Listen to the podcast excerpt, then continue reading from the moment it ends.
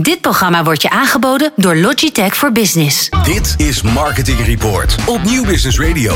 En in de studio eh, onze laatste gast van vandaag. En dat is Arno de Jong. Hij is CMO van de Nederlandse Loterij. Hij is eigenlijk net binnengevlogen hier. Want eh, net terug van de Effies. Dat klopt. Hoe was het Arno? Ja, nou ja, eh, een evenement op coronatijd. Ja, in coronatijd. Dus eh, ik vond dat de organisatie het, eh, ondanks alle beperkingen, heel goed heeft gedaan. Ja, ik moet je zeggen. Het was dat, eh, het gezellig en eh, jij zat daar ook heel lekker eh, relaxed aan tafel, Ja. had ik het idee. ja, met Humberto zit je altijd gelezen aan tafel. Hey, en een mooie eh, gouden Effie-winnaar. heel terecht vind ik zelf. Ja, ja eh, nou, je- vandaag ook eh, een van jullie gasten. Ja. Maar ik vind het echt wel hoe zij consistent al jarenlang echt onderscheidend aan dat merk werken. Dat vind ik echt, eh, echt heel knap. Dus Ja. een terechte gouden effie voor ze. Hey, en eh, de gouden Effie van vorig jaar? Ja, wie was dat ook weer? Even heel goed denken hoor. Het was, het was er één die had er twee gewonnen volgens mij. Ja. Briljant. Ja, Ja. je, ben je ook nog, het is allemaal zoveel allemaal in zo'n rijke uitzending. Ben je ook nog helemaal vergeten te vertellen dat er Arno ook nog marketeer van het jaar geworden is. Ja, inderdaad. Hallo. ja. Ja, het is eh, hoog bezoek. Eh, we zijn ontzettend blij dat je bent gekomen, Arno. Ehm, jij eh, hebt eh, eerst twee jaar lotto gedaan. Als ik het goed zeg. Ja. En toen is we als we even praten over, eh, over de loterijen. Ehm, vervolgens ben je bij de transitie eh, zwaar betrokken geweest. De, ja, of de, de fusie, zou ik moeten zeggen. met de staatsloterij. En inmiddels is dat de Nederlandse loterij geworden. Met nou, heel veel mooie merken. Ehm, eh, om te beginnen is dat natuurlijk heel erg leuk geweest om te doen, neem ik aan. Ehm, als je kijkt naar die, die hele markt van, van spellen. Eh, eh, heb je die zien veranderen in de afgelopen jaren? Ja, die is, die is wel stevig veranderd. Ja, ik denk dat wij zelf daar een belangrijke rol in hebben gespeeld. Hè. Vroeger was staatsloterij was nummer één. Eh, postcode de, de Goede Doelenloterij nummer twee. En de Lotto was op afstand nummer drie. En door de samenvoeging met Staats tot Nederlandse Loterij zijn wij een veel sterker bedrijf geworden. Ook de laatste twee jaar marktaandeel teruggewonnen. Dus het, er, is meer, er is gelijkwaardige concurrentie Ja. tussen beide, beide organisaties. Je ziet dat bij ons eh, digitalisering eh, enorm, eh, tot een enorme groei heeft geleid. Dat is heel mooi. En we zijn ons nu volop aan het voorbereiden op eh 2021. Wanneer de markt voor online gaming open gaat. Hè, dus eh, online sportweddenschappen, poker, bingo, casino. Want dat, eh, ik heb daar het eerder over gehad eh, met, met een oud collega van jou. Dat heeft eigenlijk best wel lang geduurd. Eer dat is. eh, Dat heeft heel lang geduurd, ja. ja, We hebben mensen, projectmanagers zien komen en zien gaan. ja, maar volgend jaar eh, gaat het echt gebeuren. Volgend jaar in maart, vanaf maart kunnen partijen eh, een vergunning aanvragen. Ja. En op 1 september eh, gaat de markt open. Dus dan, eh, ja, dan wordt de markt eindelijk gelegaliseerd en daar, gelegaliseerd. En daar zijn wij vanuit Nederlandse Loterij echt groot voorstander van. Eh, soms werd er wel eens gezegd dat wij dat niet zouden zijn, omdat we dan een soort monopolie zouden hebben. Maar iedereen die de markt een beetje kent, weet dat er geen monopolie op het moment is. Want Mhm. illegale aanbod is, is heel makkelijk bereikbaar via internet. Ja. En wij houden ons keurig aan alle regels. Eh, kansspelbelasting, bepaalde sporten Ja. niet aanbieden. We mogen geen live betting aanbieden, wat een heel groot segment is. Dus we concurreren wel, alleen niet met dezelfde spelregels. En dat gaat Nee. vanaf 1 september volgend jaar wel gebeuren. Dus wij kijken daar erg naar uit. Is dat niet heel ingewikkeld? Omdat die, eh, die online kansspelen, eh die hebben niet het allerbeste imago, heb ik het idee. Als je daar eh, in die markt stapt, is dat een, een uitdaging voor jou?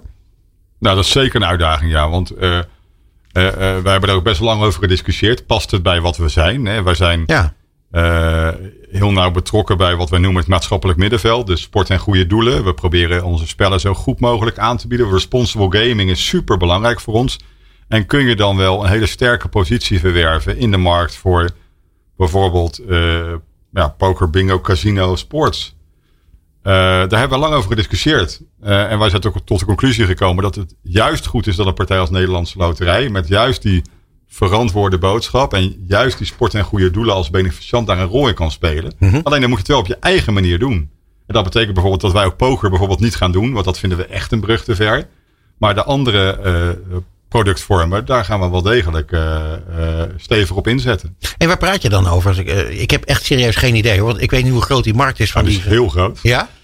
Ja, naar verwachting komen er, er hebben iets van tussen de 70 en 90 partijen aangegeven dat ze interesse hebben in een vergunning. Nou, daar kan ook de bakker op de hoek bij zitten. Maar er gaan zeker tussen de 30 en de 50 partijen op de markt komen. En niet de minste. Dus dat wordt echt een competitieve markt. Dat, dat, gaat, dat gaat Nederland zeker wel merken. Uh, want ik geloof dat dat heel groot is in Engeland. Hè. Die, die, die, Ja. uh, die uh, mogen de partijen die daar dan dit soort spellen aanbieden, mogen die ook dan hier? Als je voldoet aan de, aan de vergunningsvoorwaarden, dan, dan kan dat. Maar het is, het is niet, dan heb je het over de Ladbrokes en de, ja, ja, de partijen die je uit het Engelse straatbeeld ook kent. Ja. Maar bijvoorbeeld de Belgische online markt is al eerder geliberaliseerd. Daar, die is heel levendig. Frankrijk, Denemarken. Daar is het allemaal al. Ja, wij zijn wat dat betreft wel een van de laatste in Europa die deze stap neemt. Braafste jongetje van de klas.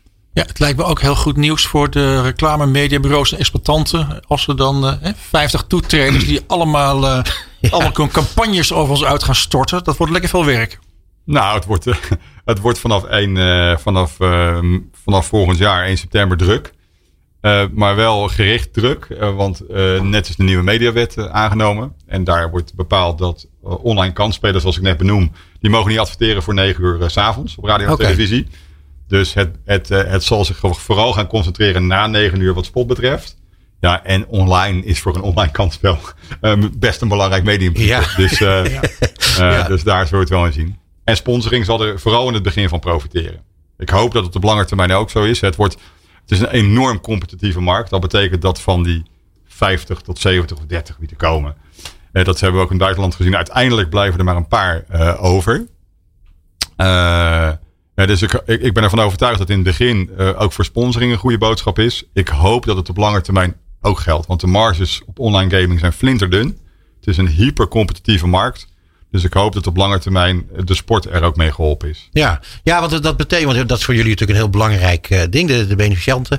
Uh, uh, en dat is overigens ook weer een belangrijk deel voor jullie communicatie. Zeker. Ehm, dus als, die, als dat flinterdun is, de, de, de winstmarge voor de loterij.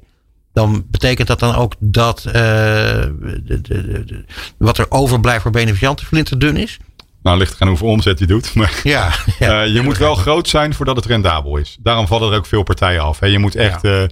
uh, uh, in voetbaltermen linker rijtje spelen. Ja. Want rechter rijtje is nauwelijks rendabel. hey, maar het is wel heel erg leuk. Want jij, we hadden, in ons voorgesprek hadden wij, zaten we te praten over, over jullie merken. De positie die jij inneemt in dit bedrijf, in de Nederlandse loterij.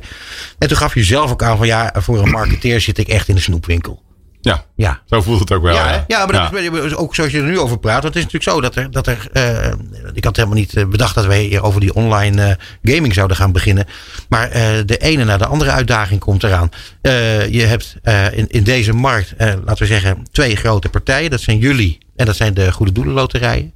Um, wat, wat, wat betekent bijvoorbeeld het toetreden van nieuwe partijen in de online gaming. Want ik neem aan dat we de, de postcode loterij misschien ook wel uh, daar iets mee zal gaan doen, zou kunnen. Uh, maar wat betekent dat voor je, voor je communicatie? En voor je onderlinge concurrentie? Want jullie nou, het elkaar tweeledig. Je, je kunt wel zeggen dat online gaming is een, is een ander segment dan loterijen. We noemen dat short odds en long odds in vaktermen. En loterij staatslot koop je en dan kun je soms wel 30 dagen wachten voor de trekking. En dan weet je dat je gewonnen hebt. Dat is een hele andere ritmiek dan bijvoorbeeld een online casino spel waar je gewoon nu kan inzetten en kan winnen. Mhm. Mm -hmm. dus wat dat betreft is het toch een beetje, het is allebei transport, maar het ene is een fiets en het andere is een auto. Ja, ja, dus het zijn niet volledig concurrerende velden, helemaal niet. Misschien concurreer je enigszins op share of wallet. Hè, als je het uitgegeven hebt, heb je het uitgegeven. Of mm -hmm. heb je het gewonnen, heb je het gewonnen. Uh, maar het zijn best wel uh, gescheiden segmenten met ook, ook andere klantprofielen. Dus het is, uh, het is in belangrijke mate aanvullend. En wat betreft die online gamingmarkt zul je zien dat er, er wordt al ontzettend veel gespeeld in Nederlanders. In het -hmm. illegale, illegale aanbod in het buitenland, hè, Malta en Gibraltar. En je zult zien dat heel veel van die spelers terugkomen in het gereguleerde aanbod. En ik hoop dat dat bij ons is. Maar ja. hoe dan ook is het altijd goed als je bij een vergunde partij zit. Want die worden goed gecontroleerd. Ja, over gunnen gesproken. Uh, de, de, de, de pandemie brak uit en jullie hebben uh, allemaal verschillende merken. Ja. Uh, sommige dingen gaan gewoon met abonnement spelen en zo gaan gewoon door. Maar je hebt ook spelletjes zoals krasloten die, die gewoon worden verkocht op, ja. op locaties. En die locaties waren dicht. wat is daarmee gebeurd? Nou, ik zit er op dit moment wat prettiger bij dan in Q2. Ja. Ja. Ja, want uh, bij ons speelden er een paar dingen. Punt 1, uh, Toto is echt een belangrijk merk voor onze organisatie geworden. En het sporten, het, de, de topsport werd helemaal stilgelegd. Er was, werd niet meer gevoetbald. Uh, Er was zelfs één week, ik weet het nog goed, toen boden we drie sporten aan. Wit-Russisch voetbal, voetbal uit Nicaragua. Overigens heb je daar ook een Juventus en Real Madrid. Uh, maar dan nep. en uh, Taiwanese basketbal. nou, je kunt je voorstellen dat daar niet heel veel op ingezet werd. Dus, dus bij Toto hadden we in Q2 echt wel een... Uh, nou, dat was wel even spannend. We waren ontzettend goed bezig in Q1. We hadden al die mooie prijzen gewonnen en het ging als de brandweer. En vervolgens ja, stond het gewoon stil. Ja. Dus dat was wel één ontwikkeling. En daar kun je eigenlijk niks tegen doen. Nee. ik hoor soms marketeers zeggen die zeggen... ja, je moet altijd blijven doorinvesteren in je merk. Nou, wij hebben toen besloten om dat niet te doen. Nee. Want je kunt wel zichtbaar zijn, maar we waren op dat moment gewoon niet meer relevant. Mensen konden nergens heen. Uh, ze konden ook niet meer spelen. Dus Wat dat, heb je geld overgehouden, Arne? Ja, daar hebben we mooie dingen mee gedaan. Ja, dat, daar kun je iets over zeggen. Ja. ik zal heel even nog afmaken over Toto. Okay. Want als Toto, maar wat er ook gebeurde is... Wij zijn nog steeds voor ongeveer 50% afhankelijk van onze trouwe retailpartners. Dan Ja. heb je het over Primera, maar ook over Albert Heijn en Jumbo. En supermarkten worden steeds belangrijker in aandeel. En wat je in de supermarkten merkte, is dat de supermarkten wel graag mensen binnen wilden hebben, maar heel snel ook weer naar buiten, om zo min mogelijk mensen per moment in de winkel te hebben. En daar brak ons wel even op dat wij via de servicebalies worden verkocht. Want mensen hadden afgerekend en werden zo snel mogelijk naar buiten begeleid. Ja. Dus wij zagen eigenlijk twee dingen. Toto, dat was probleem één. Punt twee, eh, store traffic van 70%. Dus 30% minder dan we gewoon waren. Ja. En dan ook nog een keer mensen die wel hun boodschappen deden. Maar vervolgens zo snel mogelijk weer weggingen. Ja. Dus Q2 was voor ons niet leuk. Ik moet zeggen, we zijn heel goed bezig in Q3 en Q4. En wij, wij zitten nu echt op koers eh, om de omzet van vorig jaar te evenaren. Dus dan heb je eigenlijk Q2 helemaal ingelopen. Ik weet nog niet of het gaat lukken. Maar het is wel het streven. En nog heel kort eventjes over het geld wat jullie hebben overgehouden. Vond ik een leuk verhaal. Ja. Heb je daarmee gedaan? Nou, we hebben, eh, eh, we hebben meerdere merken. Eh, we hadden een stevig budget voor sponsoring. ja. Denk aan EK voetbal en Olympische Spelen die doorgingen. Nou, daar kun je twee dingen mee doen. Je kunt het in je zak houden of je kunt het in andere campagnes steken. Wij hebben gezien dat onze beneficianten, dus onze 18 goede doelen en de sport het heel lastig hadden. Mhm. Eh, bijvoorbeeld bij de beneficianten, nou, er konden geen collectors, geen gala's, geen fundraisers meer. Nee. Aan de andere kant werd er wel steeds meer gevraagd aan ze. Eh, gisteren had ik, eh, eerder deze week ik met het Kansfonds voor, eh, voor met name jongeren die op straat leven. En afhankelijk zijn van voedselbanken. Ja, daar kwam niks meer terecht. Dus, Nee. dus je merkte dat, het, dat de vraag aan onze goede doelen steeg. Terwijl hun inkomsten daalden. En in de sport was het ook een groot probleem. Dus wij hebben eigenlijk wat we hebben bespaard aan de marketingkant. in één keer teruggegeven aan de ene kant de sport. Dus aan Team NL. We hebben een miljoen meer in de topsport gedaan. We hebben gisteren bekendgemaakt dat we een miljoen euro aan de bonden gaan geven. En we hebben een miljoen aan 20 goede doelen gegeven. Die gaan werken aan de gezondste generatie in 2040 voor Nederland. Dus echt een langetermijn gezondheidsproject om Nederland gezonder te maken. Dat is toch een waanzinnig mooi verhaal, Bas? Geweldig. Ja, ik vind het echt super Ja, echt heel goed. Eh, Arno, je zal het niet geloven, maar dit, eh, het gaat eh super snel als je een leuk gesprek met elkaar hebt.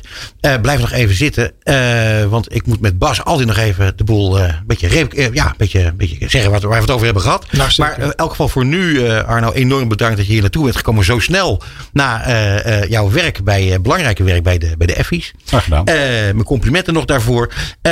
Bas, Ja, wat een avond zeg. Het was een, een bijzondere avond. Ik vond het, ik vond, en, en daar moet ik jou echt een compliment geven. Dat je zulke fantastische gasten hebt uitgenodigd. De, de uittredend gouden Effie-houder en de intredend. Hoe verzin je het? Hoe verzin en even zat de ene nog in die jurering. Heeft mee beoordeeld over de ander. Ja, dat was heel leuk. En eh, we hebben er heel weinig tijd weten. Ik wil één ding nog even benoemen. Het is een beetje een privé dingetje tussen mij en René. Weet je nog dat we in coronatijd zaten? Dat René zei, nou één ding is wel zeker. De advertentiebestedingen dit jaar minimaal 15% naar beneden. Ja. Daar heb ik om gewet dat dat niet waar is. En als ik ook nu weer hoor.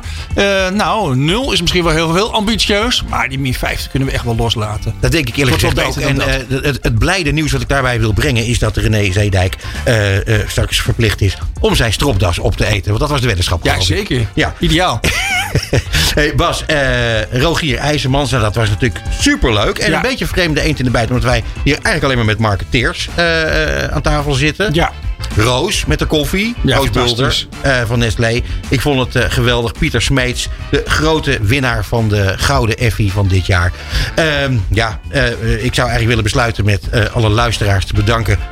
Eh, dat ze geluisterd hebben naar deze uitzending van Marketing Report. Tot volgende Tot zover Marketing Report op Nieuw Business Radio. Alle gesprekken zijn terug te luisteren via podcastkanalen als Spotify, Duke of Apple Podcasts. Komende maand zijn we er weer op de derde dinsdag van de maand. Tussen half zeven en acht uur. Tot dan. Dit is Nieuw Business Radio. Meer weten over onze programma's? Ga naar nieuwbusinessradio.nl.